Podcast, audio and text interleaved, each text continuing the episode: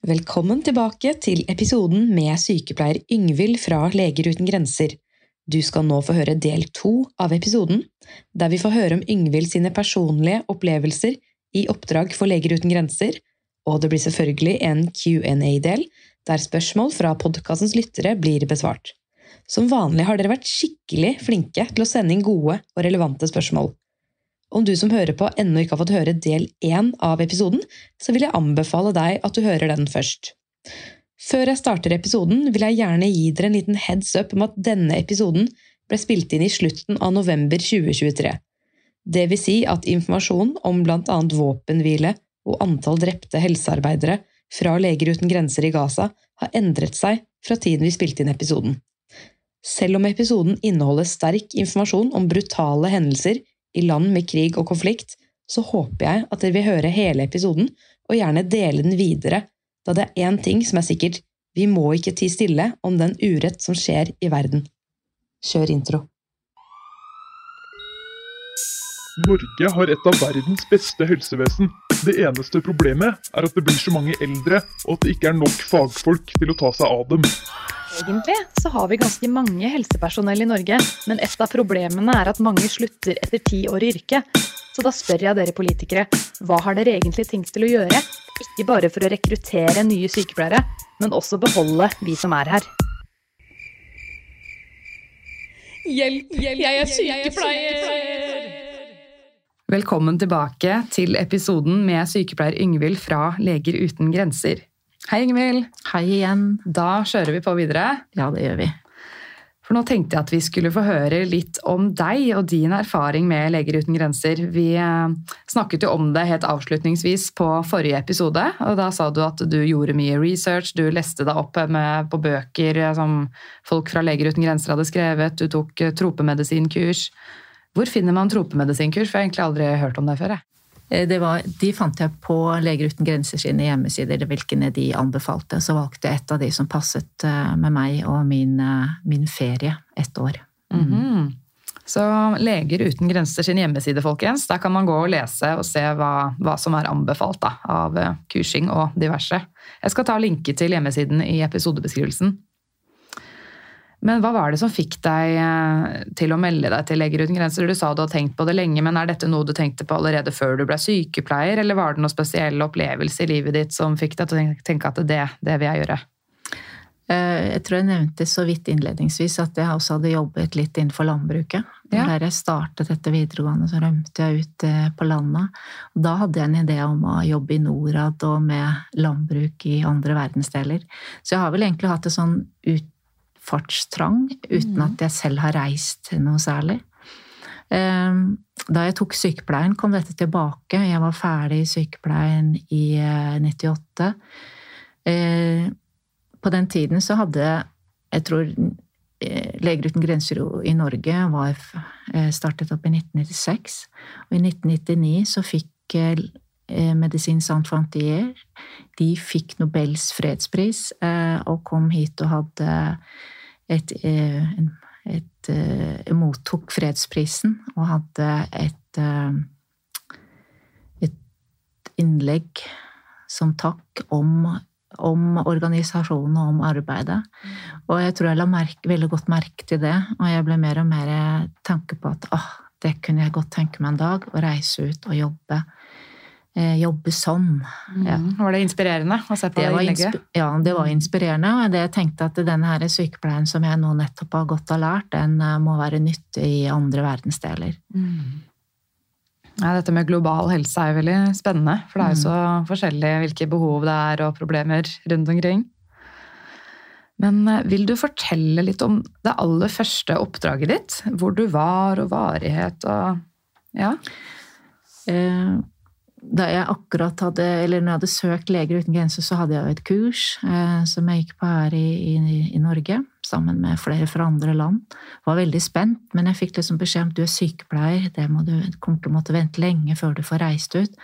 Og sånne first mission, altså første gang du reiser ut, tar litt lengre tid, for de sender ikke nye ansatte til eh, overalt. Vi må på en måte være et litt sånn eh, et godt sted å begynne karrieren din, da. Mm. Plutselig så ringer de meg ganske kort etter og sier at eh, jeg lurte på om jeg kunne tenke meg å reise til Libya og jobbe med eh, et opplæringsprogram der nede. Jeg hadde ikke tenkt på Libya, annet enn at det omtrent nettopp hadde vært en større krig der nede. Ja, For hvor ligger Libya sånn på kartet? Libya ligger midt i Nord-Afrika, ja. ut mot Middelhavet. Det ligger mellom Egypt og Tunisia. Mm -hmm. Og i sør ligger Sahara som en, et bredt, langt teppe. Libya ble bombet i 2011 av blant annet norske der Norge deltok. De hadde hatt en intern stor konflikt. Og, og, landet lå nede. Det var oppdelt, eh, men fungerte sånn eh, noenlunde. Okay, det er litt paradoks hvis Norge bomber Olivia, og så sender de norske sykepleiere dit for å hjelpe til for å behandle de skadde? Nå må jeg jo si det at når vi reiser ut til Legen uten grenser, så ja, jeg er norsk, men jeg mm. reiser ikke ut eh, fra norsk den norske staten. Det er ingen i Norge som sender meg ut.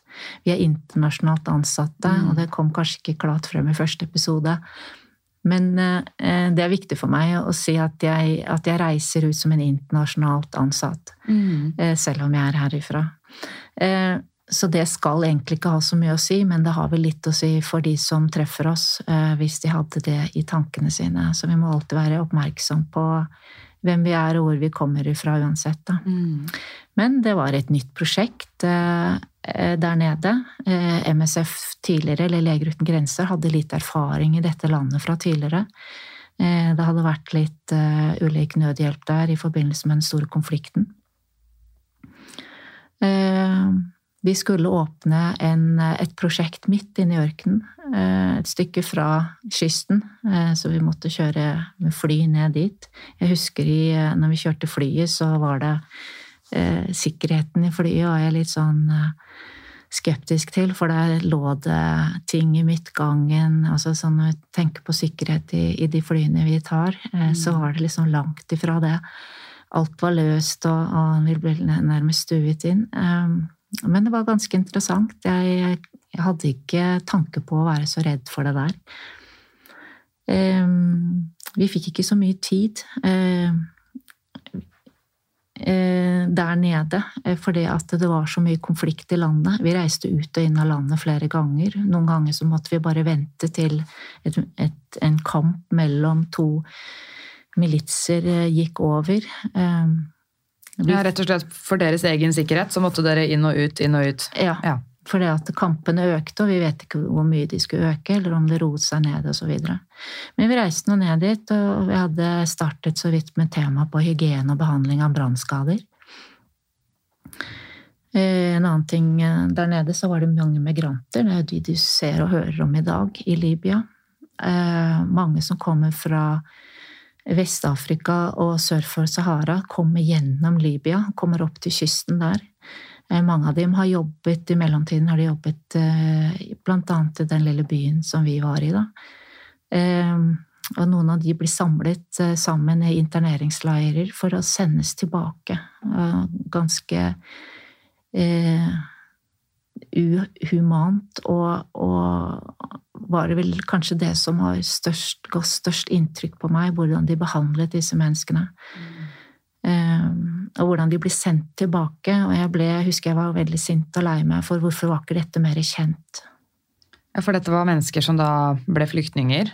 Som var flyktninger, mm. eller som reiste gjennom. Noen var flyktninger. Det var jo forskjellige årsaker de kom hjem der opp til Senere så har vi jo uh, startet uh, Eh, sikkerhet, altså rescue Jeg har glemt det navnet. Kan si det på norsk. Redning. Redning og sikkerhet ja. på sjø. Mm. Ja. Eh, og vi har et eget fartøy i Middelhavet som er med på å redde mennesker som kommer i flåter og forskjellige farkoster over Middelhavet, annet fra Libya, den libyske kysten. Og de har eh, et forferdelig reise bak seg. Eh, og den reisen tar du ikke hvis ikke du er det er nødt for at du gjør det. Og det er ingenting å returnere til, tilbake til Libya. Og det var det ikke da, og det, det er det heller ikke nå. Så det er på en måte sånn eh, veldig vanskelig å fordøye at det, sånn er faktisk verden. Og det ser ikke ut som det har endret seg i det hele tatt. Uansett hvordan folk har snakket om det eller prøvd å endre ting, så endrer det seg ikke. Det virker som det bare øker på med flyktninger, spør du meg. Vi hører jo om denne Moria-leiren som brenner, ikke sant. Alle som kommer med båt, de prøver å komme inn til Hellas, til Nei, det, jeg kan ikke se for meg hvordan det er. Min eh, mor har jo dratt ned og hjulpet barn, blant annet flyktninger. Hun ganske, hadde ganske mye på hjertet da hun kom hjem, og det mm. skjønner jeg. Mm. Men jeg tror hun kunne tenke seg å dra ut igjen, og kanskje til og med ha med meg. Ja, det ser du. Mm. Dette er liksom en litt sånn besettelse når du først begynner. For du ser at du kan på en måte hjelpe til eh, på en annen måte enn det vi gjør i Norge. Mm.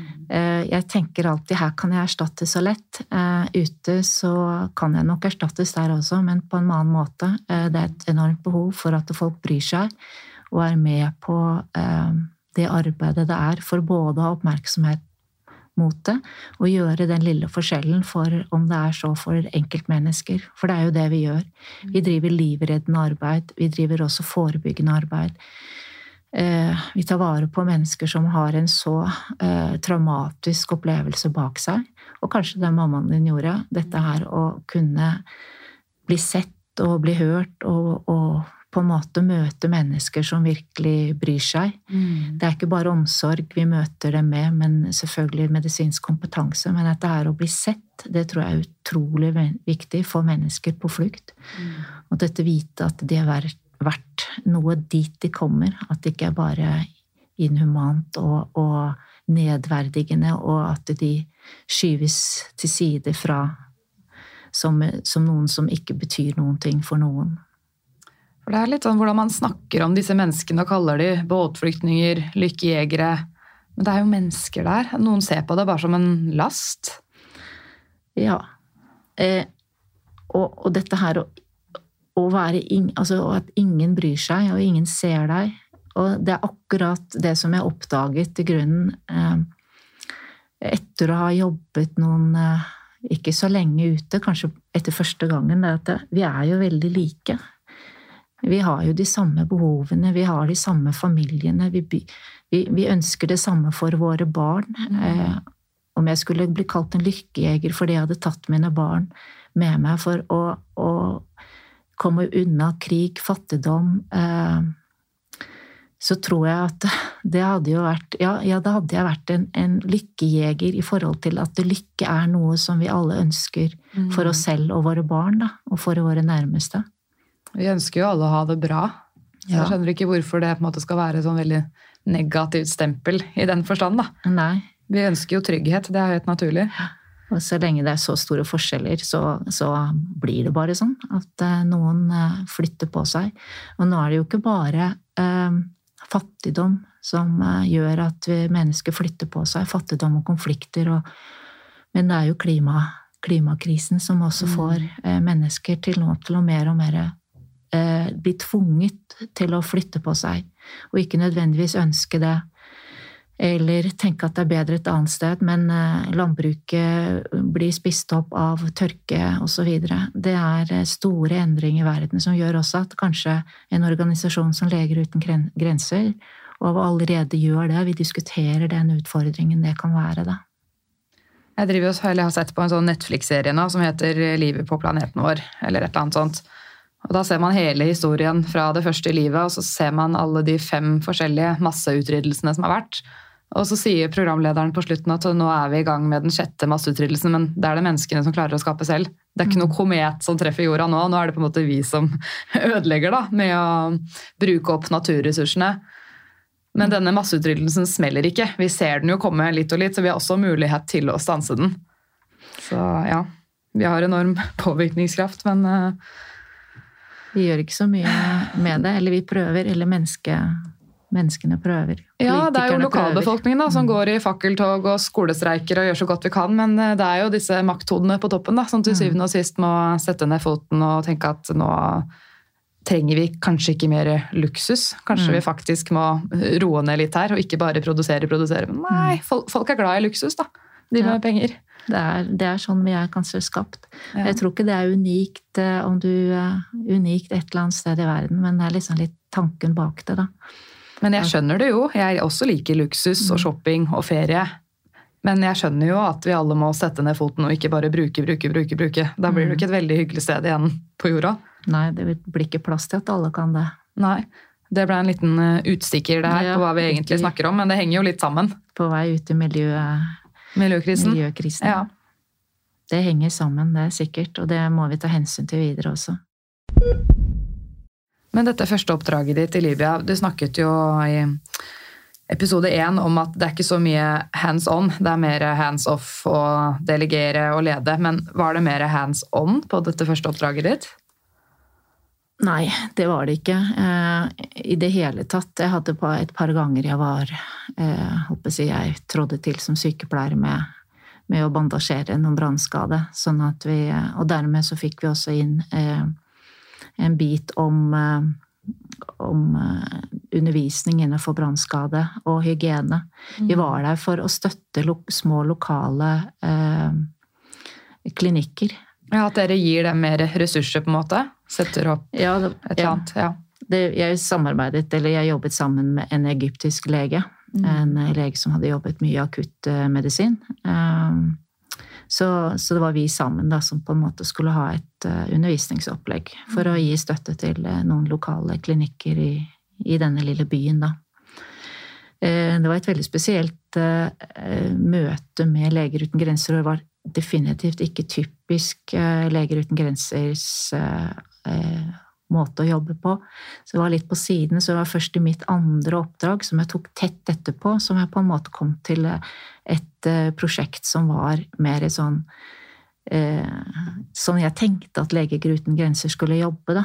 Det var, da dro jeg nesten med en gang jeg kom hjem etter de åtte månedene i Libya, så reiste jeg videre til Afghanistan og var der et halvt år og fikk jobbe veldig tett på et sykehus, eh, eller ansatte på et sykehus i eh, nord i, eh, i Afghanistan, et sted som het Kundus. Der hadde jeg også fortsatt eh, fokus på å organisere undervisning og legge til rette for mer systematisk internopplæring. Eh, Det var nok et av de beste og mest lærerike opplevelsene jeg har hatt, både i møte med internasjonale og lokale kollegaer. Eh, Samholdet i sykehuset var så unikt, og blant annet det, det var veldig stort og godt pasientfokus. Det med helhetlig sykepleie så du ganske godt. Eh, Spesialisthelsetjenesten, vi hadde rehabilitering, vi hadde fokus på ernæring, trening, eh, poliklinikk. Vi hadde overnatting for de pårørende. Eh, Vi satte opp en ny intensivavdeling, eller Så det var veldig stort og, og på en måte fint å se at Komme til et sånt MSF-sykehus, da mm. så tidlig, eh, og fikk dette her eh, perspektivet av hva det vi, hva det vi gjør. Men begge, begge ting er like reelle, og du kan komme til prosjekt som er små og virker litt ubetydelig, men for den enkelte som du jobber med, er jo ikke det ubetydelig. Ikke sant? Dette er litt annerledes enn jeg trodde, for jeg tror mange tenker at man er sykepleier i Leger uten grenser, så er man ute på felten, bandasjerer, stopper blødninger, veldig sånn Ja, at man utfører sykepleie direkte på befolkningen eller pasientene, da. Og så er det ikke helt sånn, egentlig. Nei, eh, vi hadde jo noen I den tiden så var det jo stadig vekk eksplosjoner og angrep eh, og eh, Angrep på noe som het sånn politiske eh, Hva det vi kaller det her i Norge? Vi har, eh, før valgene så har vi politiske møter. Og de ble ofte angrepet. Markeder ble, angrepet. Så vi hadde noe som het mass casualty, altså en eh, større skadeomfang der mange ble hardt skadet og kom inn til sykehuset samtidig. Og da trodde jeg også det var for meg å brette opp armene og komme fram med bandasjen, men de som var mest effektive og dyktige på det, var jo de lokale. Og vi hadde, har et veldig strukturert eh, opplegg for disse type hendelser, eh, disse typer skader, der vi har en bestemt triasj, at vi eh, rangerer hvem som skal inn til operasjon først, og på å si hvem som ikke er reddbare.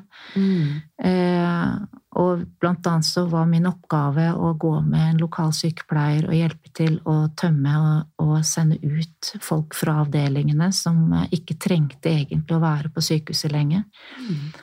Så utskriving av pasienter litt før de trengte, sånn at vi fikk plass til de nye. Og Litt sånn som i Norge, få dem ut fortest mulig. få dem ut fortest mulig. Men her var det virkelig bruk for det, for her kom det inn eh, 20-25 skadde, hardt skadde mennesker eh, Mm. fra et sånn eksplosjon. Eh, og etterpå sto jeg og skrev opp alle navnene på en tavle, så vi hadde oversikt eh, hvem som hadde kommet inn. Da lærte jeg veldig mye nye afghanske navn. Ja, det kan jeg tenke meg. Det var vi to stykker igjen som stavet til meg, og jeg som skrev, og så var det han som eh, var på en måte nestkommanderende medisinske leder der som, eh, som ga meg instrukser på hvordan jeg skulle hjelpe til. da. Jeg hadde, fikk veldig god erfaring i det, men jeg ble mest som en assistent. I eh, dette, her var de drilla på dette. eh, Men siden så har jeg også vært med og lagt opp til den drillen, sånn at vi stadig og hele tiden øver på sånne scenarioer, da. Mm. Mm. Jeg begynner å få et litt inntrykk av hvordan det er å jobbe som sykepleier i Leger uten grenser, og det virker som at det er psykisk eh, mer krevende, men fysisk kanskje litt lettere. For det, det er ikke så mye tunge løft og sånne ting som det er kanskje på sykehjem da, i Norge. Nei, det stemmer nok. Det krever... Så ryggen tar deg ikke der, men det er mer i Ryggen tar meg? Ikke der, nei. Ja. nei. Eh, Jeg har nok eh, jeg har et sånn, som alle har kanskje på min alder, har et eller annet sånn liten eh, vondt som kommer tilbake hver gang du står over en, en pasient i, i, Norge. Eh, De siste årene har jeg jobbet bort på Radiumhospitalet, og noen ganger har jeg hatt kjent den derre uff, der er den, Ja, ja. der er vondt. Lille- Ja. eh, vonde korsryggen. Og så skal du liksom være flink og trene og holde den eh, borte. Mm. Men nei, akkurat det eh, er det ikke. Jeg sitter kanskje mer enn det jeg står og jobber på gulvet i, eh, i disse jeg flyr mellom, kan fly mellom de forskjellige aktivitetene vi gjør, og så sitter jeg mye bak en PC og administrerer. eh, Jeg er litt i møter, tar imot masse mail og mye kommunikasjon. Mm. Ja. I jobben du er i nå? Eller Nei, Leger uten grenser? lege, de siste årene i Leger uten grenser. Ja, ikke sant. Så det er mye sånn administrativt arbeid, få et overordnet blikk. Mm. Ja, skjønner. Um, ja, hvis vi tar tilbake til første oppdraget, da. Hvordan var på en måte erfaringen versus forventningen du hadde? Uh, Det var, jo, det var jo det jeg nevnte, at eh, prosjektet var veldig spesielt. Jeg syntes det var veldig spennende å komme til et helt nytt sted. Jeg slukte alt og sugde til meg eh, både lukter og syn og, og kultur. Pratet. Vi var, måtte være veldig forsiktige med å prate politikk, men ellers så fikk vi mye inntrykk av hvordan folk levde. Hva de tenkte. Eh, kollegaer som vi hadde, om det var sjåføren eller kokken eller var en, en eh, den kollegaen vi hadde fra Egypt.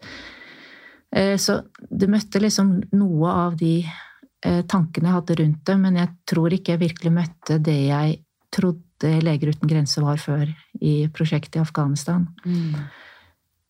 Men det å se perspektivet av Nord-Afrika Libya, eh, migranter eh, som var behandlet eh, ja, veldig nedverdigende, svært dårlig av av lokalbefolkning.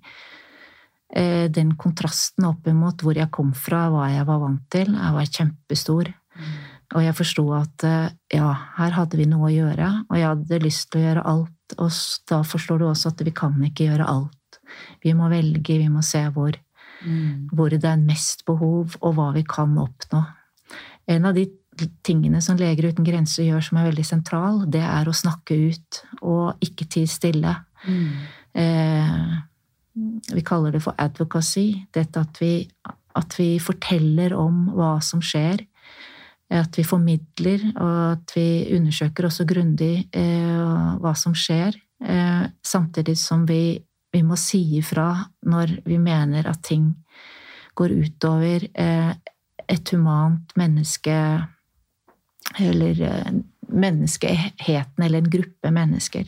Da er vi nødt til å ikke tie stille, men å bruke stemmen vår. Og vi er blitt en ganske, eller vi er en ganske sterk og, og troverdig organisasjon. Og det er viktig at vi bruker stemmen vår på en riktig måte. Eh, det er utrolig viktig. Ja. ja. I disse dager hvor det er så mye fake news, så er det veldig fint å høre det rett fra kilden. Altså dere ja. som er der og ser lidelsen i hvitøyet. Jeg husker det, jeg fikk litt munnkurv når jeg var der nede i begynnelsen, for jeg hadde jo lyst til liksom, dette må vi bare fortelle om og rope ut. Ja. Eh, der har vi også et system som gjør at eh, ja, det kommer ut eh, i de kanalene vi ønsker, blant annet fordi at ikke enhver kan fortelle sin historie nødvendigvis. Men er med, vi er med på å underbygge den historien som vi, har i felles, eller som vi forteller i fellesskap. Da. Mm. Mm. Hvilke andre land har du vært i enn Libya og Afghanistan? Eh, jeg har vært i flere land. Eh, jeg har vært flere ganger i Afghanistan. Jeg eh, kom dit igjen senere, i 2017-2018. Før det så var jeg en periode, jeg var vel en åtte måneder nede i Zimbabwe. Jobbet i et, en klinikk for ungdom som vi satte opp der, da. Og jobbet med seksualisert vold mot kvinner også. Eh, jeg dro til Sør-Sudan eh, under en konflikt i et kort nødhjelpsoppdrag. 56 eh, uker, det tror jeg er det korteste oppdraget jeg har vært i. Der var jeg med på å støtte et sykehus i hovedstaden med, under et utbrudd av kolera. Kolera er jo typisk sykdom som kommer når alle helsefasiliteter er nede, menneskene har ikke tilgang til vann, eh, rent vann, de har ikke tilgang til kanskje ordentlig mat. For det er sånn man får skikkelig diaré er det ikke det? Ja, det kan du si. Bare en liten side note der. Jeg fikk resept på noe sånn jeg skulle drikke en medisin for å forebygge kolera da jeg skulle til Egypt. Så leste jeg på bivirkninger, så sto det diaré. er ikke er det vits å ta den. Nei, men kolera, jeg tok den, da, men jeg fikk, jeg fikk diaré uansett. Jeg skulle til Egypt. Ja. Ja. Kolera er en veldig lett eh, sykdom å behandle. Eh, og den er også lett å unngå, men den er veldig fatal eh, hvis du ikke får behandling. Da renner all væsken ut, og du får, ikke, får du ikke erstattet den, så, så, dør du av det, da. Uh, og så hadde jeg, når jeg var der, så var jeg der fem-seks uker tilbake. Egentlig var jeg kjempelei meg når jeg dro hjem igjen. uh, selv om jeg hadde vært i, og det hadde vært stress og alt mulig sånn. Så, så jeg tenkte at nei, hit må jeg tilbake. Så det gjorde jeg litt et par måneder senere. Så reiste jeg ned igjen og var der i ti måneder. Og da jobbet jeg i en flyktningleir helt nord i landet, på grensen mot uh, Sudan. Og da var det første gang jeg jobbet med et sånt stort uh, uh, I en stor flyktningleir, da. Også da, Vi snakket tidligere om samarbeid med Røde Kors, eller Internasjonale Røde Kors. Ja, For det heter vel ofte Røde halvmåne og sånt, gjør det ikke det når det er i muslimske land? I muslimske land er det ja. det. Sør-Sudan er ikke et muslimsk land. Ikke, det, det, har muslimer også, men eh, allikevel der, det, der, så jeg mye eh, Der erfarte jeg mye samarbeid med andre internasjonale operatører, både Matvareprogrammet med andre FN-organisasjoner og andre større organisasjoner som vi, vi, jobber side om side for å dekke forskjellige behov i mm. flyktningleirene som er der. Enormt tav av flyktninger men som var noenlunde eh, etablerte i sine eh, strå trehus bygd av eh, lokalt materiale, som pinner og, og, og på en måte hadde etablert seg der, da. Og det var, det var, litt spennende og en helt annen type prosjekt igjen. Og sånn er det i, det i det vi jobber. Vi jobber veldig mange steder med veldig mye ulike utfordringer. Det som var gøy der nede, det var på en måte at vi, eh, vi var mange forskjellige eh, internasjonale ansatte, men det var mange nasjonalt ansatte. Eh, noen eh, relokalt ansatte som kommer fra hovedstaden, som kom opp og jobbet sammen med oss. Så det er også en måte vi eh, dekker behovene på ved å relokalisere mennesker som får jobbe i andre deler av de samme landene, da. Det var masse humor der, det må jeg ta med. Så bra. Ja. Jeg skjønner at uh, samhandling, kommunikasjon, det er på en måte nøkkelord her. da. Man skal ja. samarbeide med andre befolkninger og gjøre det beste for, for menneskene som bor der. Mm. Det må være ganske unikt, da. Møte mennesker fra alle mulige land, og så har alle på en måte et, et felles mål. da. Ja, eh, det er det. Eh, det kan vi, vi lever veldig tett på hverandre. Eh, noen steder der du ikke kan gå noe særlig ut utenfor det området du jobber på eller bor på. Så blir det liksom 24-7 du lever sammen skal lage et, i det internasjonale miljøet. Og da er det egentlig ganske deilig å dra tilbake til sykehuset eller klinikken eller ut til de aktivitetene du er. Eh, for da treffer du de lokalt ansatte, så du får en sånn fin variasjon. Og hele tiden så er det på en måte eh, det psykososiale miljøet er kjempeviktig i det du jobber. Da. Du har fokus veldig mye på på innholdet, kvalitet, at ting skal være skikkelig godt. Av det du gjør, at du har får tak i det utstyret du trenger, at du har den medisinen. At du har bestilt medisin i tide. At du alle, All den logistikken som skal være der, sånn at eh, klinikken kan på en måte gå videre på en god måte etter at du har reist derifra også. Mm. Eh, men det skape en fin flyt, på en måte? Ja, det er mye logistikk, og det er mye, mye, planlegging og mye tanke om strategi og hva som er viktigst å gjøre. Mm. Du nevnte eh, hus som var bygd av eh, pinner. Eh, jeg bare er litt nysgjerrig på hvordan er det dere bor når dere er på oppdrag? Der nede så bodde vi i veldig enkle jeg vet ikke hva de, de, Vi kaller det tukkul. Det er små hytter som er det er bygd hovedsakelig av treverk, og så er det lagt et lag med med en slags eh, støpemasse. Så dere bodde i sånne hus? Vi bodde også i sånne hus. Oi, hvor var det? Zimbabwe? Nei, det var i Sør-Sudan. Sør-Sudan, ja. Mm. Så vi bodde enkelt. Det var utrolig varme steder. Vi hadde ikke noe aircondition, vi hadde utedusj. Eh, men du venter deg til det også. Men det er vel kanskje der jeg har vært mest og lengst syk, magesyk, med noen parasitter ja. som jeg ikke ble kvitt før jeg kom tilbake til Norge, tror jeg. Men Eh, det, som jeg nevnte, det psykososiale miljøet og det der fokuset på arbeidsoppgavene. Eh, det at alt skal være på plass, at folk kommer på jobb, at, eh, at vi jobber mot den herre Da var jeg på en slags avdelingsleder, da. Ansvaret for alle, all sykepleierfaglige oppgaver, i tillegg til hygiene. Mm. Så det var mye å ha fokus på, så du glemmer liksom litt deg sjøl oppi det. da. Ja. Men da er det viktig å komme tilbake til, til leiren der du bor, og ha det litt gøy sammen, eller ha yoga sammen, eller mm. få deg et litt avbrekk for deg sjøl.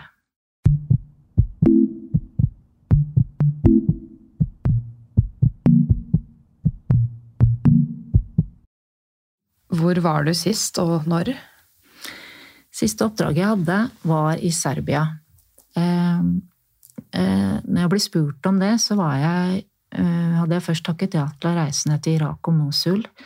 Så ble ikke det noe av. Eh, og så spurte de ville reise til Serbia. Og så tenkte jeg ja, det har jeg jo lyst til. Eh, jeg visste at vi hadde prosjektet som du nevnte nede i Hellas, på Balkan. Mm. Og også oppe i Serbia var det prosjekt. Det har vært prosjekt i Bosnia og Serbia Eh, i en periode. Eh, jeg visste lite om det, så måtte lese meg litt opp. For Serbia det er liksom ikke så langt unna oss, så jeg ble Nei. litt sånn sjokkert. Jeg bare, er dere, er dere der òg? Så nærme oss? Ja. ja. Eh, der hadde vi en liten mobilklinikk. Eh, vi hadde hatt en fast klinikk i eh, hovedstaden der en periode, men nå hadde vi en eh, liten mobilklinikk som støttet de som står på grensen og ønsker seg inn i Ungarn eller og videre innover i Europa. Eh, de blir eh, av og til, eller ofte, utsatt for noe som heter, vi kaller pushbacks. Det vil de si at de blir dyttet tilbake over grensen, tilbake til Serbia. Og noe av den måten dette foregår på, kan være ganske eh, inhumant og, og voldelig. Eh, det samme er at de har stått en stund ved grensen, eller de er på vei gjennom, har, har reist lenge. Er, noen av dem har kommet over Middelhavet tidligere. Eh, de trenger av og til litt medisinsk tilsyn, hjelp, eh, og vi henviser dem også til eh, serbiske medisinske sykehus, da, mm. som vi hadde greit samarbeid med. Mm. Men det var der du var sist. Hvilket år var det, sa du? Det var nå i 21-22. Eh, ja, ikke sant. Mm. Er det et land eller sted du ble spesielt glad i? I så fall hvor? Det tror jeg egentlig har gitt litt uttrykk for at Afghanistan var på en måte veldig mm. nært eh, hjertet mitt. Men jeg tror jeg har vært glad i alle de stedene jeg har vært i. Eh, spesielt eh, får jeg, eh, har jeg gode eh, får jeg gode kollegaer som jeg Når vi først reiser fra dem, så har man ikke lyst man har lyst til å fortsette med dem. Mm. Hvis du finner deg et bra arbeidssted, så har du ikke lyst til å stoppe med en gang. Så jeg har noen ganger så tenker jeg søren heller at jeg ikke kan bare få lov å reise tilbake. Eh, Jeg reiste jo tilbake til Afghanistan, men da til et helt annet, eh, et helt annet sted. Mm. Sykehuset i Afghanistan jeg var i min andre periode, det, det ble bombet. Eh, det ble utsatt for et luftangrep av eh, USA under et eh, raid der mot Taliban. Det skjedde i 2015, da det var ett år siden jeg hadde reist fra Så USA bomba et sykehus? USA bombet et sykehus nord i Afghanistan. Og det de sa, var at de mente Taliban opererte fra sykehuset. Ikke sant. Det var 42 mennesker som ble drept. 18 15 ansatte eh, leger uten, fra Leger uten grenser. Eh, det var jo et, eh, et sykehus som Leger uten grenser driver, drev. Så det var ikke noe Taliban inne på det, det sykehuset? Det var ikke noe Taliban Nei. inne på det sykehuset. 37 var såret. Flere kollegaer jeg kjente godt, ble drept i det angrepet. Et, med en gang jeg snakker om det, så gjør det vondt. Mm. Ehm, og i nå i høst så kommer tankene med en gang tilbake til det her, for dette har, det er ikke første gang eh, dette skjer, at eh, sykehus blir angrepet. Eh, vi ser at ambulanser blir angrepet, og parallellene går til Gaza i dag, til andre hendelser i Jemen, i Syria. Og den brutale brudden på Genévekonvensjonen, at vi ikke kan få operere sykehusene, eh, det setter jo den innsatsen både av nasjonalt helsepersonell og internasjonalt helsepersonell skikkelig på prøve, så du eh, tenker at nei, eh, dette er jo for farlig, men samtidig skal jo ikke være sånn. Det skjer sjelden, men når det skjer, så gjør det så uendelig vondt, og det er så meningsløst, og de pasientene skal jo søke hjelp der, de skal jo være trygge der, de skal få hjelpen sin der, det er ikke der de skal eh, bli skutt. Ja, dessverre jo- så skjer jo det innimellom. Ja, for nå er vi jo midt oppi en sånn situasjon igjen i Gaza. Vil du fortelle litt om hva dine kolleger står i i Gaza nå i dag?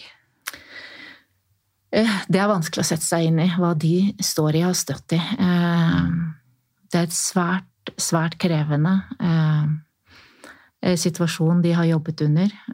Det var noen internasjonalt ansatte der som ble hjulpet ut av landet eh, i løpet av de første dagene. Våre nasjonalt ansatte har stått på eh, til siste ende. Eh, To leger og én labtekniker er blitt drept. Det så jeg på Instagrammen deres. ja. Og, og de har stått i et sykehus som skulle være sikkert. Mange mennesker ble, trekker seg til sykehuset, for de tror at der skal de finne sikkerhet. Eh, Og det sykehuset har blitt totalt plyndret, bombet, raidet. Og det er, det er få steder, eller om ingen steder, som er sikre i Gaza i dag. Det er en, en fantastisk at det er en, en, eh, en våpenhvile noen dager da, så de kan begynne å For det har blitt vedtatt. Det har vært vedtatt, og det har vært, sin, hadde vært de siste dagene, og i dag ble den utvidet. Eh, Der er det, kommer det inn nødhjelp, eh, der blir utveksling av, eh, av gisler. eh, Og så Men situasjonen for menneskene er så brutal, og det er utrolig vanskelig å sette seg inn i det. Og det er hva som skal til for å, å gi helsehjelp. Altså, det er ikke bare Dette forebygger sykdom også, det er ikke bare akkurat helsehjelpen. Men vi har jo sett på, på sosiale medier og lest og fått informasjon også fra Leger uten grenser, hvordan de har måttet jobbe uten tilgang på ekstra utstyr, uten tilgang på anestesimidler. Eh, I mørket, uten, brens, altså uten lys. Eh, det er forferdelig vanskelig å sette seg inn i hvordan de har hatt det. Jeg tror ikke vi kan det uten å, å, å være der selv. Det er sant. Jeg, jeg sa jo innledningsvis i del én at nå ser vi jo alle kriser som skjer ute i verden. Vi får det rett på smarttelefonene våre hver dag. Man scroller en fredagskveld, sitter der med tacoen og colaglasset. Så ser man barn som dør. Mm. Det er helt, jeg er ikke vant til å få sånne ting opp i feeden min. Eller Det begynte jo litt i Ukraina-krigen, men nå har det tatt nye høyder. Synes jeg. Man ser det overalt på TikTok, på Instagram, Facebook. Og det er så vondt, men det er sannheten. Det er faktisk det som skjer nå. Og jeg, jeg håper så inderlig at det nå fram til disse verdenslederne som vi snakket om i stad. Nå har det jo faktisk blitt våpenhvile, da. Mm. Men herregud, og lokalbefolkninger i alle mulige land har stått på nå med demonstrasjoner, og helsepersonell har brukt sorgebånd, og det er virkelig Folk har mobilisert. Jeg blir jeg blir helt rørt, jeg. Ja, og det er godt å se at folk ser hvor, hvor feil dette her er, å utsette eh, 2,2 millioner mennesker for en sånn inhuman et inhumant angrep, så totalt utslettelse av hjem og av eh, familier og av mennesker. Og så tenker jeg litt på Eller jeg tenker mye på alle de Alt det arbeidet som trengs, eller all den tiden som trengs, om det noen gang går an å he, hele noe av det. At, at, folk kan bli hele mennesker igjen, det er et under for meg mange ganger. At folk som kommer gjennom noe, klarer å stå opp eh, i den andre enden. Og det er der vi kommer inn som helsearbeidere også. At der er det jo Vi kan være med på å hvert fall prøve å gjøre en forskjell. Mm. Eh, Brannslukking er aldri noe bra. Vi skulle kunnet hindret dette. Mm. Det er jo som vi snakket om i stad, at det fins jo faktisk regler i krig. De sivile skal jo ikke bli drept, men så er det det som skjer gang på gang. Mm. Det blir et blodbad. Jeg skjønner ikke at mennesker kan være så onde. Mm. Vi har så mye historiebøker hvor vi har sett hvor feil det er å utsette mennesker for sånne grusomheter, og så gjentar på en måte historien seg igjen. Vi ser det i Syria, i Afghanistan. Når skal det stoppe? Jeg skjønner det ikke. Jeg føler noen ganger at det er feil art som styrer verden. Mm. Det er, det er en, det, er, jeg er helt enig i det. Det er egentlig helt uforståelig. Og vi kan komme med så mye medisinsk kunnskap og være så flinke sykepleiere som bare det. Her er vi liksom maktesløse uansett. Men det, sånn som jeg sa tidligere, tidligere at eh, det å være stille Det er eh, skummelt. Det er skummelt. Mm. Eh, så det er jo veldig flott å se at det mobiliseres, og at det er folk som sier nei, dette er ikke greit. Og det er ikke bare det at det ikke er greit, det er helt feil, og det strider mot alle, alle menneskelige eh, sanser. Mm, alle verdier, alt. Altså, jeg tror jo egentlig at ingen er jo født onde. Det er jo egentlig ingen som ønsker å drepe, men så, så blir det sånn likevel. Det er, det er så merkelig. Det kunne jeg snakket lenge om. Mm. Men vi må egentlig gå over til Q&A-delen nå. Mm. Får du et utvidet syn på livet ved å jobbe nært mennesker i lidelse? Både ja og nei. Eh, eh, jeg ser litt forskjell på forventninger. Eh, jeg, ser at livet er mye mer enn sykdom og uhelse. At livet kan innebære mye mer. Verdien av mennesket er ikke helt oppimot eh, si, hva du har, eh, men mer hvem du er, og at du blir sett. Det har jeg sett. Altså, det ser jeg som er mer viktig og mer sentralt i arbeidet vårt. Da. Lidelsen er den samme, uansett hvor den kommer og hvem den rammer. Mm. Jeg snakket med en psykolog en gang. Eh, flere år siden jeg sleit litt med depresjon, så sa jeg at jeg, jeg føler at jeg ikke har noen grunn til å klage. Jeg bor i Norge, og det, måte, det får meg til å føle meg enda verre igjen. Mm. Eh, når jeg ser åssen mennesker har det i andre land. Så en, du vet, Helene, at om du drukner på 50 meters dyp eller 200 meters dyp, du dør uansett, på en måte. Mm, mm. Det er bare det er sant. Mm. Jeg, jeg tror mange kan føle litt på det hvis man har sliter med depresjon eller andre ting. At man ja, men jeg, jeg har ikke noen grunn til å føle det sånn. Jeg er jo så heldig som bor her. Men så kan det dyrke depresjonen enda mer. Mm. Skjønner du hva jeg mener? Mm. Ja. Og, og der eh, man graver seg liksom ned og vekk at dette skal ikke bety noe, men det, jeg tror denne lidelsen, disse, en depresjon eller andre ting, eh, er like viktig uansett hvor du er og hvem du er som, eh, som menneske. Det rammer deg like mye. Eller det rammer dine ja. nærmeste.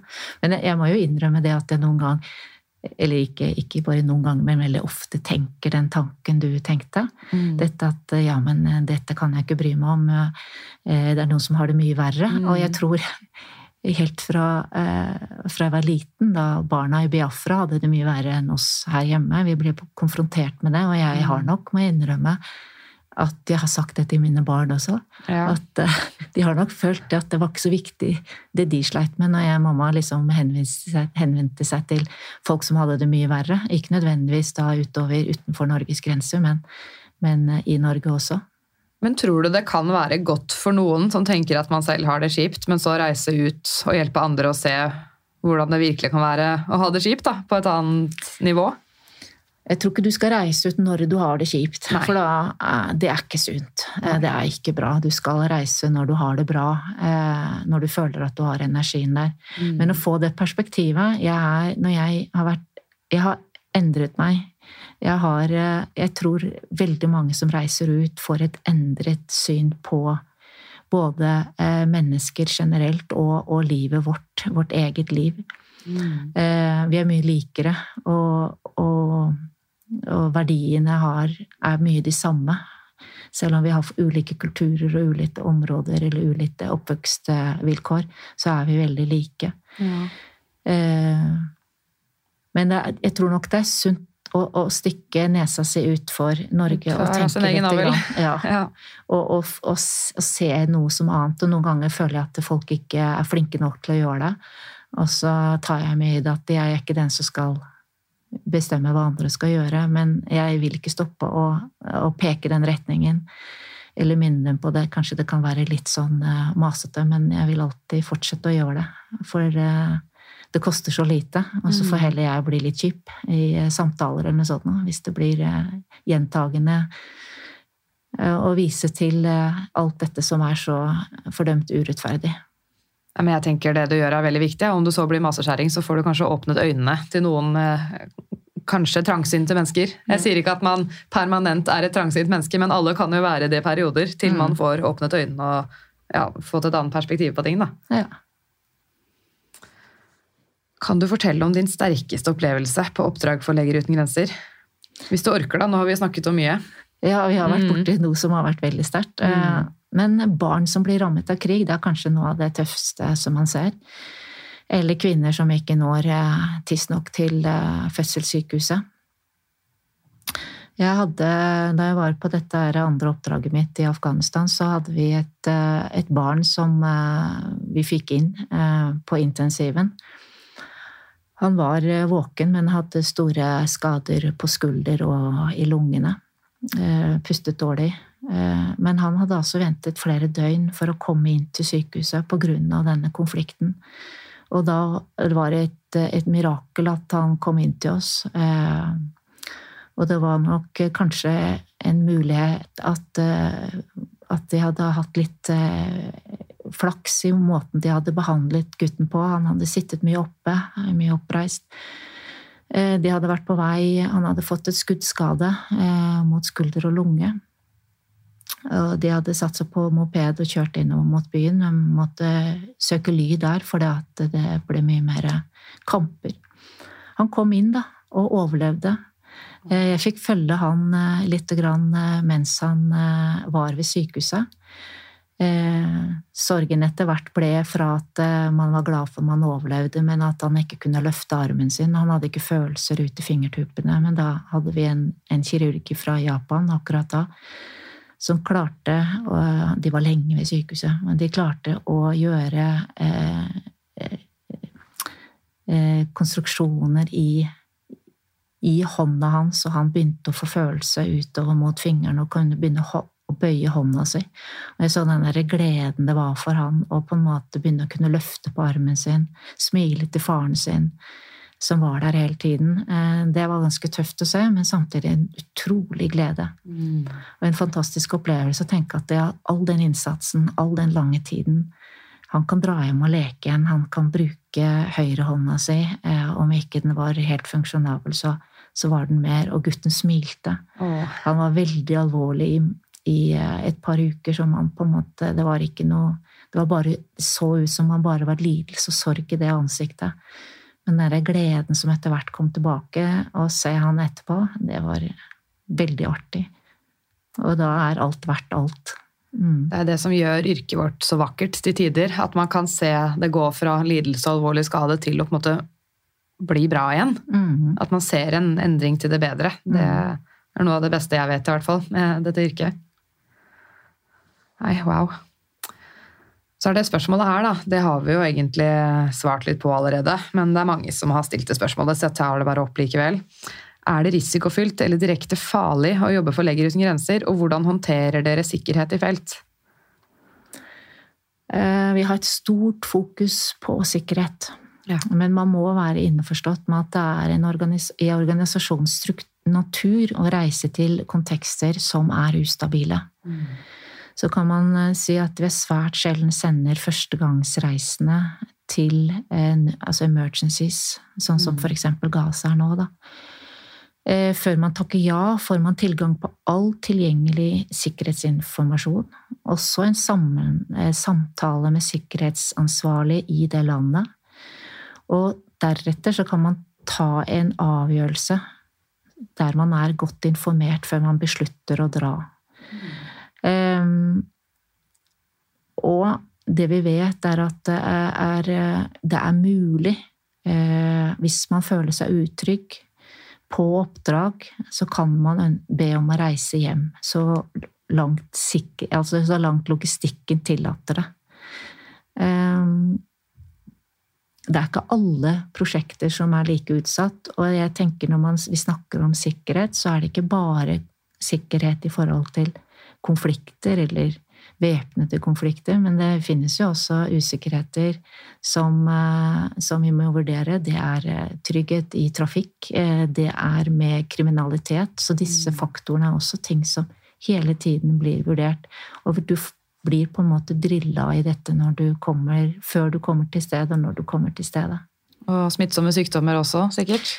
Det er en av de tingene som jeg har på min kappe når jeg kommer. Det er på en måte å se til at vi har Eh, at, at vi er, klarer å ta vare på helsa til hverandre. Mm. Og at vi alltid har en medisinsk ansvarlig lege som tar seg av eh, oss som jobber der, mm. hvis det skulle være noe.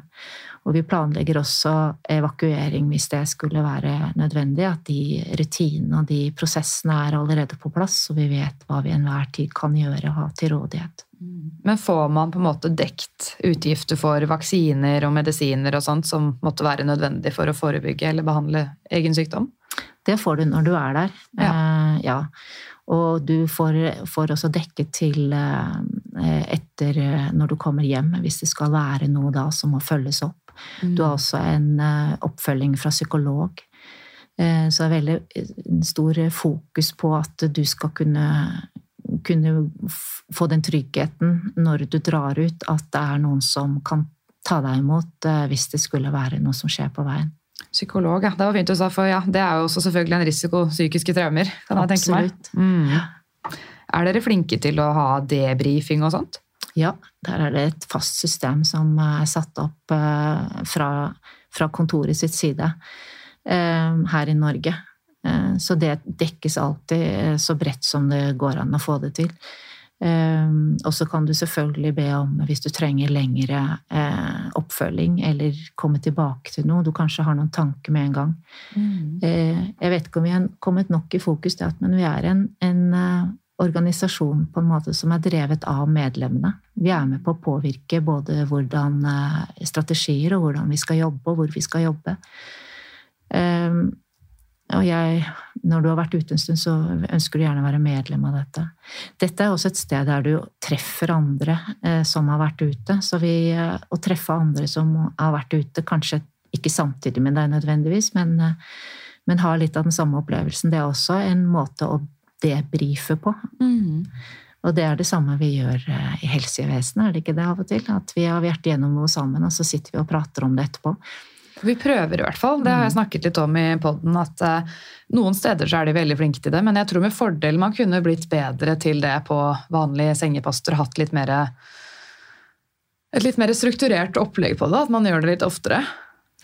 Eh, ja, det tror jeg er kjempeviktig. Ja. Og spesielt mot de etiske problemstillingene vi kommer. Det norske Mm. sykehuset og sykehjem og all pasientbehandling bør ha det. Det tror jeg utvikler oss mye.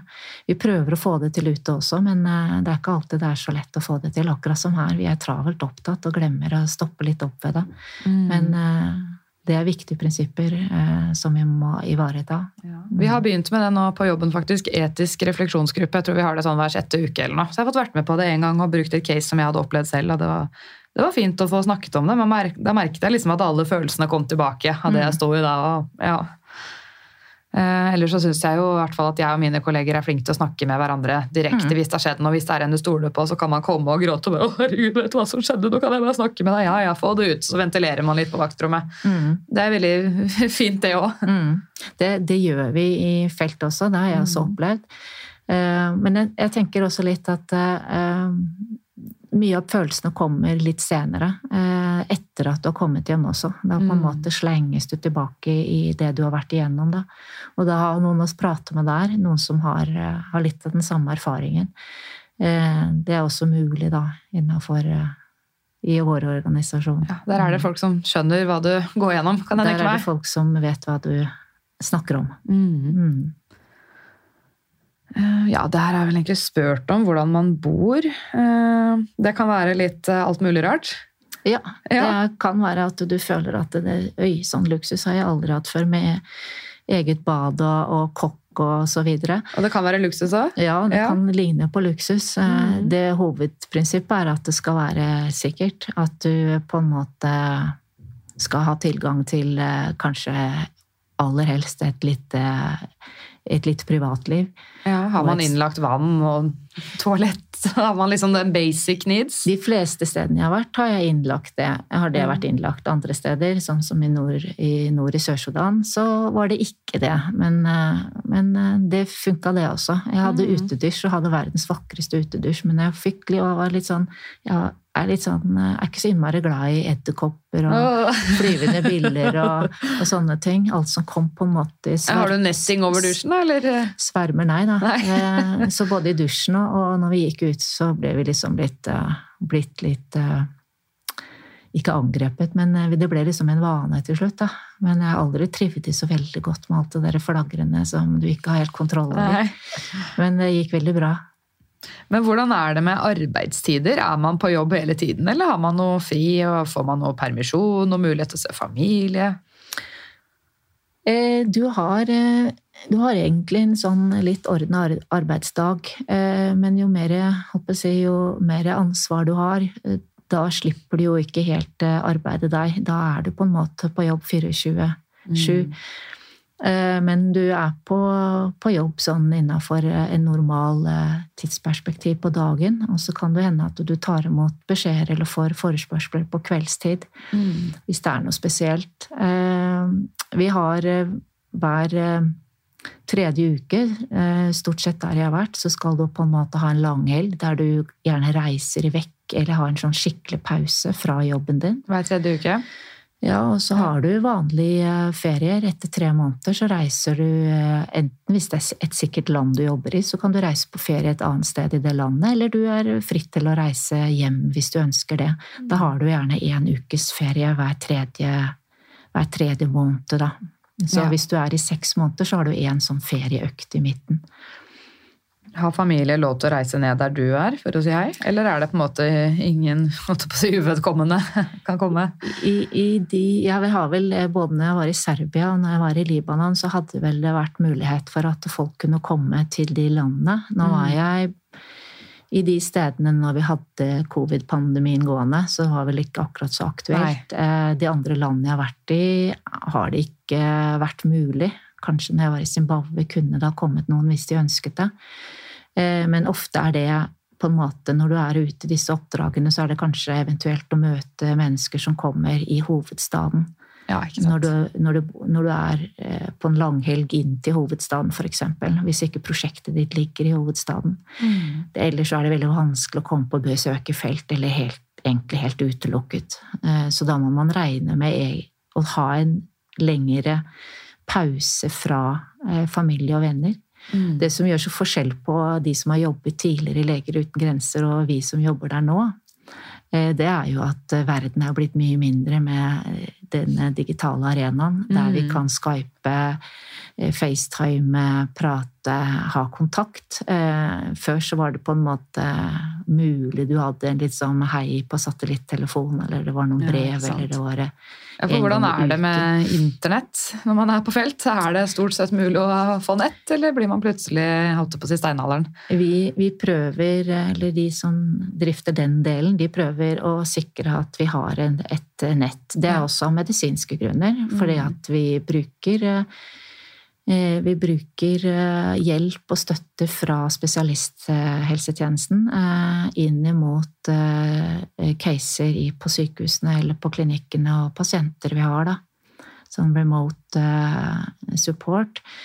Og, og, så det er viktig både for vår helse, vår private private helse ved å ha kontakt og ha sosialt eh, Ja, men det er jo kritisk infrastruktur, spør du Ja. meg. Internett. Ja, Internett og er- telefoni. vi er jo blitt avhengig av det, Ja. og det har veldig mye positivt med seg når vi er ute.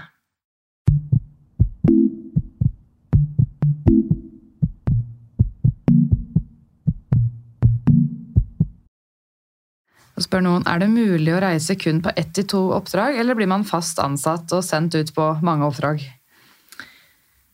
Eh, Det er selvfølgelig mulig å reise på ett til to oppdrag. Eh, Men du, du kan er, du, Når du ansettes, eller når du har bestemt deg for å reise, eh, så er det jo fra oppdrag til oppdrag, og da starter du oppdraget, eller kontrakten din starter omtrent idet du går ut av døra hjemme.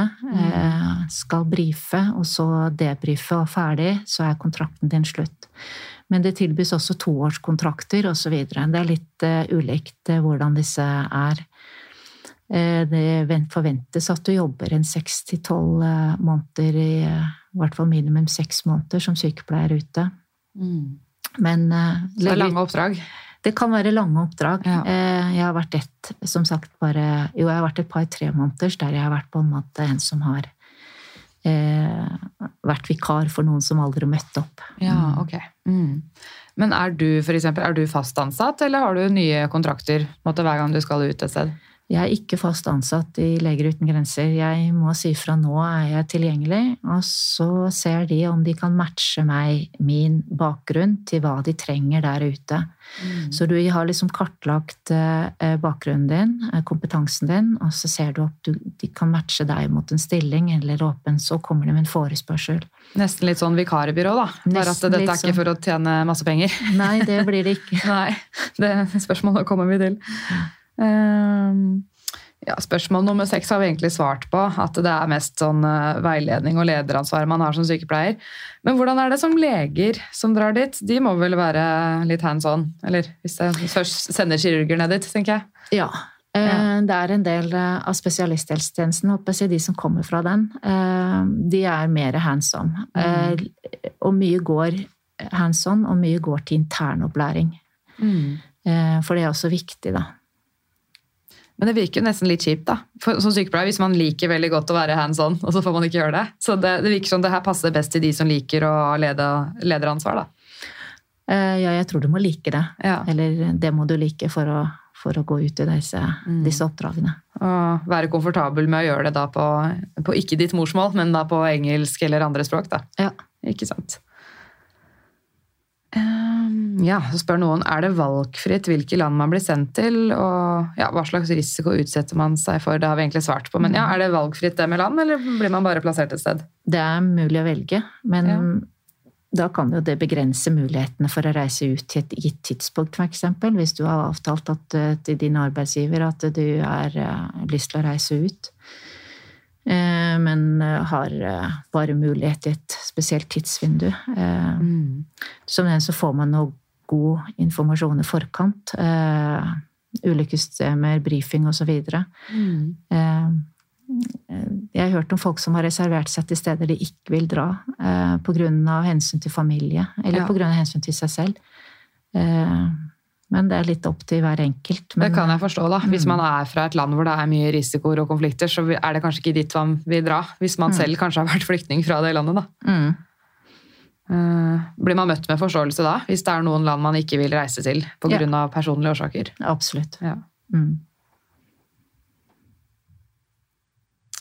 ja. Hva er den største forskjellen for deg å jobbe ute i anførselstegn versus hjemme?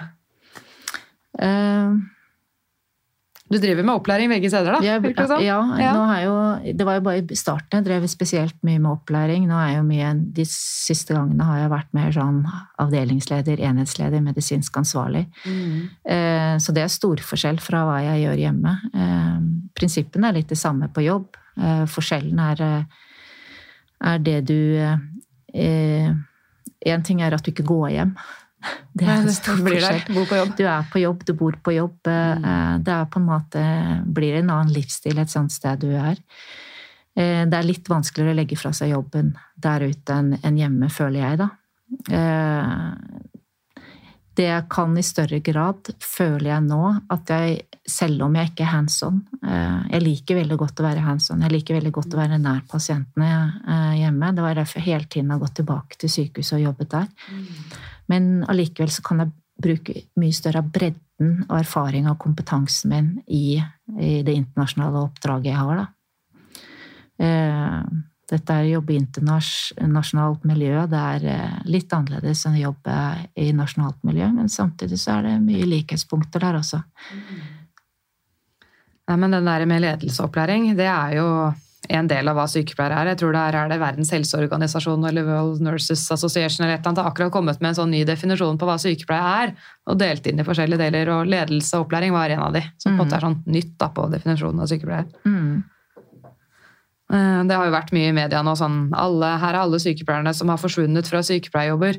Men så blir de litt fornærma. Fordi det er sånn Ja, men jeg jobber jo som sykepleierlærer. Vil det da si at jeg ikke er sykepleier lenger? Jeg føler jo at jeg er det. Så det har vært mange saker på det i, i sykepleierne. Mm. Vet du hvor mange norske sykepleiere som er ansatt for Leger uten grenser? spør noen om. Du, det hørte jeg du ville spørre meg om, så det sjekket jeg. Ja. Eh, Per i dag er det fem, og så var det en som reiste ut nettopp. Men jeg regner med at eh, kanskje det er noen flere som kommer til å reise Er det bare ut fem? Ut, nå. Ja, Oi. akkurat nå, ja. Det. Men det er mange flere som på en måte står i, i Polen, da. Mm. Eh, men det er ikke nødvendigvis så mange reis som reiser ut, for det er, det er Nå snakker vi om sykepleiere. Ja, Det er fem som er ute på oppdrag nå, da. Mm. Ja, ikke sant. Jobber helsepersonell for Leger uten grenser på fulltid og som eneste jobb, eller er dette ved siden av en annen jobb? I så fall, hvordan kombinerer man dette?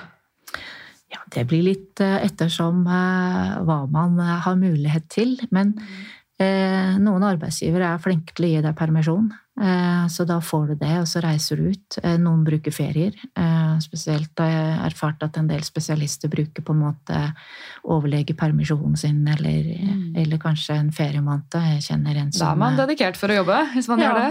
Ja, jeg kjenner en intensivlege fra, fra eh, Frankrike som brukte én måned hvert år på ferie på å reise og, og jobbe i, i et, et akuttmottak, da. For dette er vel ikke akkurat badeferie når man er på oppdrag? Dette er ikke badeferie. Nei. Definitivt ikke. Men det er givende på en helt annen måte, da. Eh, Du får brukt deg selv, du eh, får selvfølgelig oppleve ting. Det er ikke til å stikke vekk at det er eh, Det er på en måte et Kan være et form for eventyr uten at det er det. Eh, Jeg har følelsen at noen tenker at det er også eksotisk. Eh, Det kan være eksotiske områder i det landet du er i, men det er definitivt ikke, ikke eksotisk det du jobber i, men det er fremmed, det er nytt, og det er veldig lære Du lærer mye av det, da. Nei, det, det jeg har gjort, er at jeg har jobbet mer litt sånn frilanser. Eh, at jeg har eh, hatt kontakt og kontrakt med, med Ullevål eller Radiumhospitalet spesielt, da.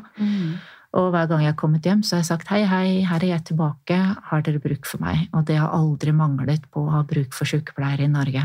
Så jeg tror det er et veldig takknemlig eh, yrke å komme fra og få lov til å, å gå inn og ut av. Mm. Da må jeg være litt mer fleksibel. Det er en del som jeg ikke får vært med på her hjemme. Eh, Men det, da er jeg mer fokusert på det jeg faktisk får vært med på ute. Mm. Mm.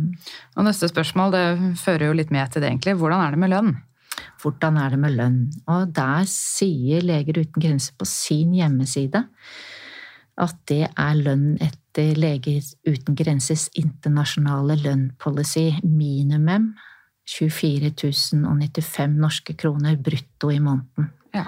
Og det er der du starter, og så er det basert på stilling, erfaring. Og ved siden av det så får du dagpenger i felt. Hver, du altså får, det dekker annet kost, eh, som jeg ofte har spart opp, og så har jeg dermed råd til å reise lite grann, men ikke mye ekstra, men lite grann. Du får refusjon av de nødvendige vaksinene du skal ta. Eh, du får en betalt ferie. 25 dager hvert år. Altså hvis du er, har sånn kontrakt på to år, så får du 30 dager i, i året, da. Eller Nei, det er på hvert, for hvert år så har du 30 dager hvis du har kontrakt på det. Og pensjonsinnskudd. Ja. Man tjener litt mindre, da, virker det som, enn det man gjør eh, i Norge. Tjener vel, ligger vel litt under der, ja. Ja. Mm. Det er ikke Men, noe sted å gå og bli rik på Nei. kroner. Og hvis man har veldig dyrt boliglån og sånt, da, så må man på en måte veie litt opp om man egentlig har råd, kanskje? Ja, alternativet er kanskje å leie ut boligen din i en periode. Ja, det kan man jo selvfølgelig gjøre. Det vet jeg om folk som har gjort, og, og eh, har levd godt med det. Mm. Mm. Så det er ikke her man skal jobbe for å bli rik sånn på penger, men eh, som erfaring og en indre reise og sånt, så blir man jo rik på en annen måte, da. Absolutt. Og Ja. du får, eh, jeg tror en del av den erfaringen jeg har ute, den har jeg brakt med meg også inn og vært nyttig i, i arbeidet mitt eh, på Radiumhospitalet, i møte med pasienter der. Mm. Så forståelsen og den kulturelle biten som, eh, som på en måte kommer inn under huden din, eh, den ser jeg eh, også avspeiler seg i hvordan jeg jobber hjemme. Mm. Ja, det kan jeg se for meg. At det er mye å, å ta med videre til arbeidet i Norge. Mm. Spør noen hvor får du styrken din ifra? Er det mulig å beskrive hva som gir mest mening? Ja, Jeg tror eh, eh, styrken min kommer i hovedsak fra de jeg jobber sammen med der Mm. ute. Eh, litt mitt livssyn. Eh, eh, hvordan jeg ser på mennesket. Eh, det humanistiske livssynet. Og ikke minst fra eh, barna mine og familie som alltid har liksom De har syntes det har vært ålreit at jeg har reist ut. Eh, Så du får liksom De menneskene rundt deg har noe å si, at de på en måte sier 'Dette er fint at du gjør'. Og så tror jeg jeg er ganske pragmatisk. Altså veldig sånn eh, Jeg trives med de fleste utfordringene. Og iallfall slik jeg, jeg, jeg møter dem, da. Ja, man må jo bli veldig tilpasningsdyktig, kan jeg se for meg. Tilpasningsdyktig, ja. Ja. Mm. Så er det noen som spør hvilke land er verst, altså i anførselstegn, eller mest risikofylt å jobbe i. Og er det også disse landene som har størst behov for hjelp av MSF? Eh,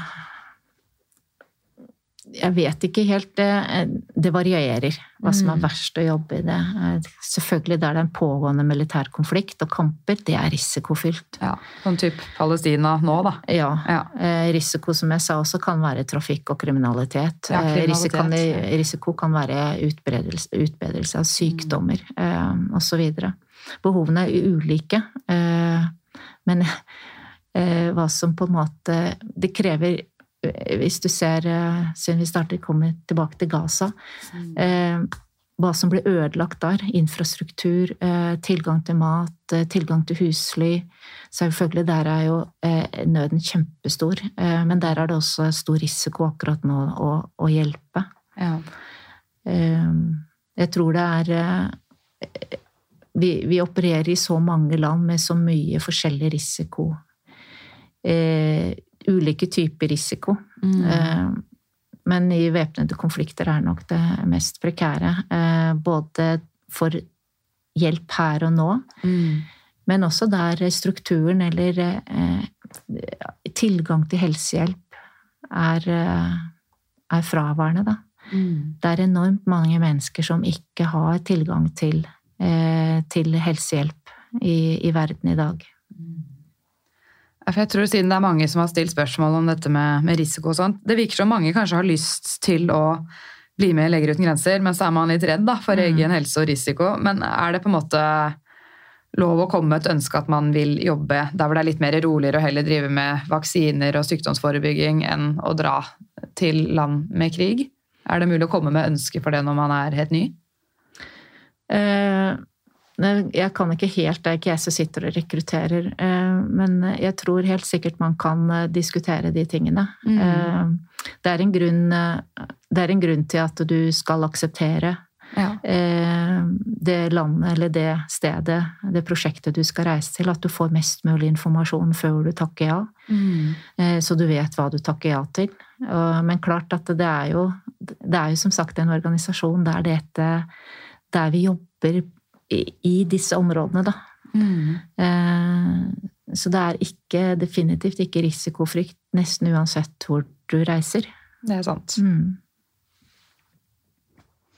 Skal vi se, Neste spørsmål har egentlig svart på. Ja, opplever du at det er et godt internasjonalt samarbeid? Ja. Eh, både andre internasjonale organisasjoner, sammen med de, eh, og i, blant oss som er inne i organisasjonen. Eh, det er alltid sånn at vi prøver å søke i, i, små Vi blir små samfunn der ute. At vi møter andre som jobber kanskje i, i Røde Kors, eller Internasjonale Røde Kors, eller andre organisasjoner. At vi møtes.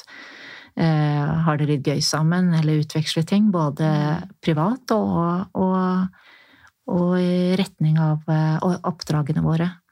Så internasjonale samarbeidet Eh, I stort sett er det veldig godt. Eh, man kan være uenige om ting, uenige om struktur, eller uenige om hvem som har eh, ansvar her og der. Men stort sett så går dette veldig bra. Det er fint å høre at dere også har humor da, internt, ja. fordi man, man, trenger en god dose humor tror jeg, for å, å, overleve. Ja, det meste av humoren den, Vi har jo intern humor internasjonalt, selvfølgelig, vi som jobber ned. Men uh, mye av humoren kommer fra de lokalt ansatte som er der. Uh, og ja, jeg har eh, stått og fnist og flirt med leger og sykepleiere i Afghanistan, i Pakistan, i, det tristeste, i de tristeste og mest uh, tøffeste periodene nede i Sør-Sudan under en konflikt, så har vi funnet ting som vi kan sette litt uh, Ha litt humor på Eh, altså Uten humor har jeg ikke klart meg i det norske sykehuset heller. Eh, det er jo en overlevelsesmekanisme. Er, ja, og den er, den er ja. internasjonal. Ja, ja, ja. Mm. Man får litt sånn mørk humor av å jobbe i helsevesenet. Iallfall galgenhumor, da. Ja. Det er jo egentlig gjennom, det er bare én ting jeg lurte litt på. det er Hvordan ser på en måte sykehusene og klinikkene dere jobber på ut? Er det på en måte feltsykehus som dere setter opp med telt og aggregator, eller bygger dere egen, eller låner dere, eller bruker dere sykehus som allerede er der? Hvordan er det egentlig? Det er akkurat det du nevnte nå, begge deler. Ja. Eh, det kan være fra mobilklinikk i, biler som vi reiser ut med. Det kan være disse her teltene med aggregater og, og vannforsyninger og alt må på en måte være fra scratch. Eh, vi har noen litt sånne fancy eh, ferdig, ferdighus som vi kan sette opp, ikke konteinere, det har vi også brukt mye av. Sette sammen konteinere helt opp til operasjonssaler med konteinere. Eh, og så bygger vi konstruksjoner. Eh, og så jobber vi inn i eh, konstruksjoner eller klinikker eller større sykehus. Da jeg var i Pakistan, så jobbet vi inn i et Hadde vi deler Drev vi deler av et distriktssykehus. Mm. Hadde noen av funksjonene der. Jobbet tett sammen med de lokale myndighetene. På godt og vondt. Men da er det ikke vi som står for bygningsmassen, annet enn at vi kanskje, kanskje tilfører, utvide Eh, sette det i bedre stand osv. Altså på en måte at vi etterlater oss et, et fottrykk som, eh, som, er bærende og, og, bærekraftig. Og det er kanskje noe som organisasjonen i seg sjøl burde eh, ha enda større fokus på, men det er det de prøver. Så her er det alt fra pop-opp-sykehus på hjul til at dere samarbeider på lokale sykehus som er der fra før? Ja. Men har dere bygd noe eget sånne Leger uten grensesykehus som står på stedet permanent? Er det det òg? Eh, dette er eh, sykehuset som ble Ja, ja, det er det. Ja, Flere steder så har vi permanente, store sykehus. Mm. Som tilhører dere? Og vi som eier og driver. Mm. Og, og, jeg vil jo si at kanskje det er det enkleste måten å drive på. Der liksom vi har bukten og begge endene og er liksom helt herre i eget hus. Mm. Litt mer eh, balanse og utfordringer med å jobbe inn i et distriktssykehus, f.eks. lokalsykehus. Men samtidig så er det jo også et sted du lærer veldig mye om, om uh, hvordan du kan få ting til, da, med ut, andre typer utfordringer. Mm. Eh, og så er det, etter at vi har vært der en stund, så er det jo ikke sikkert at vi blir der så lenge. Eh, så vi prøver også å gjøre sånn at sykehusene skal være mulig å overta fra, til de lokale myndigheter. Mm. Eller andre organisasjoner som jobber i området. Kan dere bygge ut sykehus raskt? For jeg bare husker Under korona da, så sa de vel noe om at i Kina så bygde de et nytt sykehus på fire uker, eller et eller annet. Ja, jeg vet ikke om vi har bygget på fire uker, men vi har noen type oppsett nå som kan bygges ganske raskt, og det er jo viktig. Det er jo fra telt og konteinere, og så er det noe som de kaller Gaptech, som jeg har vært med på å sette, sette opp nede i Sør-Sudan. Vi har et svært sånt Gaptech-sykehus borte i Sierra Leone blant annet. Og de skal kunne settes opp raskt og, og også tas ned uten at det har store merker. Oi, hva, er det, hva er det lagd av? Hvis det kan settes opp og ned fort? Det ser ut som et det er et sånt Ikea. Ikea-sykehus? Ikea til og med jeg kan montere. Da. Det er litt vanskelig å forklare. Jeg vet ikke helt hvordan jeg skal sammenligne Det Det såpass enkelt at det. sykepleier kan skru opp sykehuset. Det er masse moduler som setter seg sammen av eh, spesialiserte folk. Ja. Ja, men Det er veldig spennende å høre, og veldig interessant å høre alt du har eh, fortalt om. Så da lurer jeg bare på, er det noe du vil si til lytterne før vi avslutter? Jeg tror jeg det jeg hadde tenkt å si helt avslutningsvis, har jeg sagt flere ganger allerede. Det at vi kan ikke være sikre på at ord alltid redder liv. Men vi vet med sikkerhet at taushet dreper. Viktige setninger der. Det var legen James Orbsinski. Han sa han mottok denne Nobel fredsprisen på vegne av Leger uten grenser i 1996. Nei, 1999, mener jeg. Mm. Men eh, Yngvild Elise Breivik, da må jeg bare si tusen takk for at du kom hit i studio i dag og ikke var taus. At du opplyste alle lytterne litt mer om hva er det som skjer ute i verden, og hva er det Leger uten grenser driver med. Så håper jeg at noen har blitt inspirerte. Takk for at jeg vil komme. Og så ser jeg eh, gjerne noen eh, tar initiativer til å ta kontakt med Leger uten grenser og gå på informasjonsmøte og søke videre. Og har de en drøm om å reise ut, så tror jeg at stå på den drømmen. Enig. Så håper jeg at alle vil anbefale disse to episodene videre, og gjerne dele de rundt på sosiale medier og bare få det ut, tenker jeg. Så sier jeg bare god lytting, eller stay tuned. Takk for at du hørte på Hjelp, jeg er sykepleier. Hvis du likte episoden, blir jeg veldig glad hvis du vil dele den videre på relevante plattformer. Jeg blir også veldig glad hvis du vil anbefale den videre til venner, kolleger, medstudenter eller andre folk du tror kan få glede av denne podkasten. Hvis du vil få varsling neste gang det slippes en ny episode av Hjelp, jeg er sykepleier, så er det bare å trykke på abonner-knappen her hvor du hører på podkast. Hvis du vil komme med ønsker for podden, eller gi meg tips eller tilbakemeldinger, eller bare følge meg og mitt podkasteventyr, så er du hjertelig velkommen til å følge Hjelp, jeg er sykepleier på Instagram. Hjelp, jeg er sykepleier er også på Facebook, men det er på Instagram det er desidert mest aktivitet. Der har du også mulighet til å stille spørsmål til Q&A til fremtidige gjester av podden. Du kan også sende meg en mail, og mailadressen til Hjelp jeg er sykepleier står beskrevet i hver episodebeskrivelse.